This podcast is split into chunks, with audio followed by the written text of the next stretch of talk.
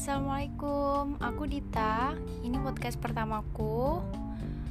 Di sini aku pengen sekedar ngobrol atau sharing dengan kalian. Karena kalian tahu nggak sih, wanita itu kan butuh uh, mengeluarkan kata-kata per hari, sekitar 20.000 kata per hari. Kalau pria hanya 7.000 kata per hari, jadi lebih banyak wanita dong ya.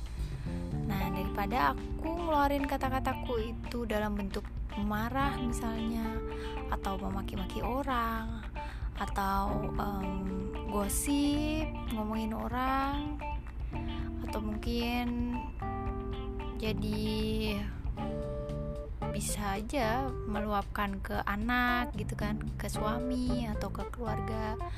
Nah mending aku share apa yang pengen aku share di sini. Jadi kita bisa sekedar ngobrol sharing.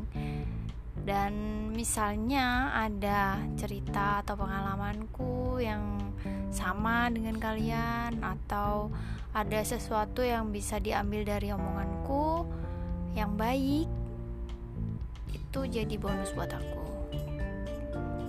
Jadi semoga kalian suka. Assalamualaikum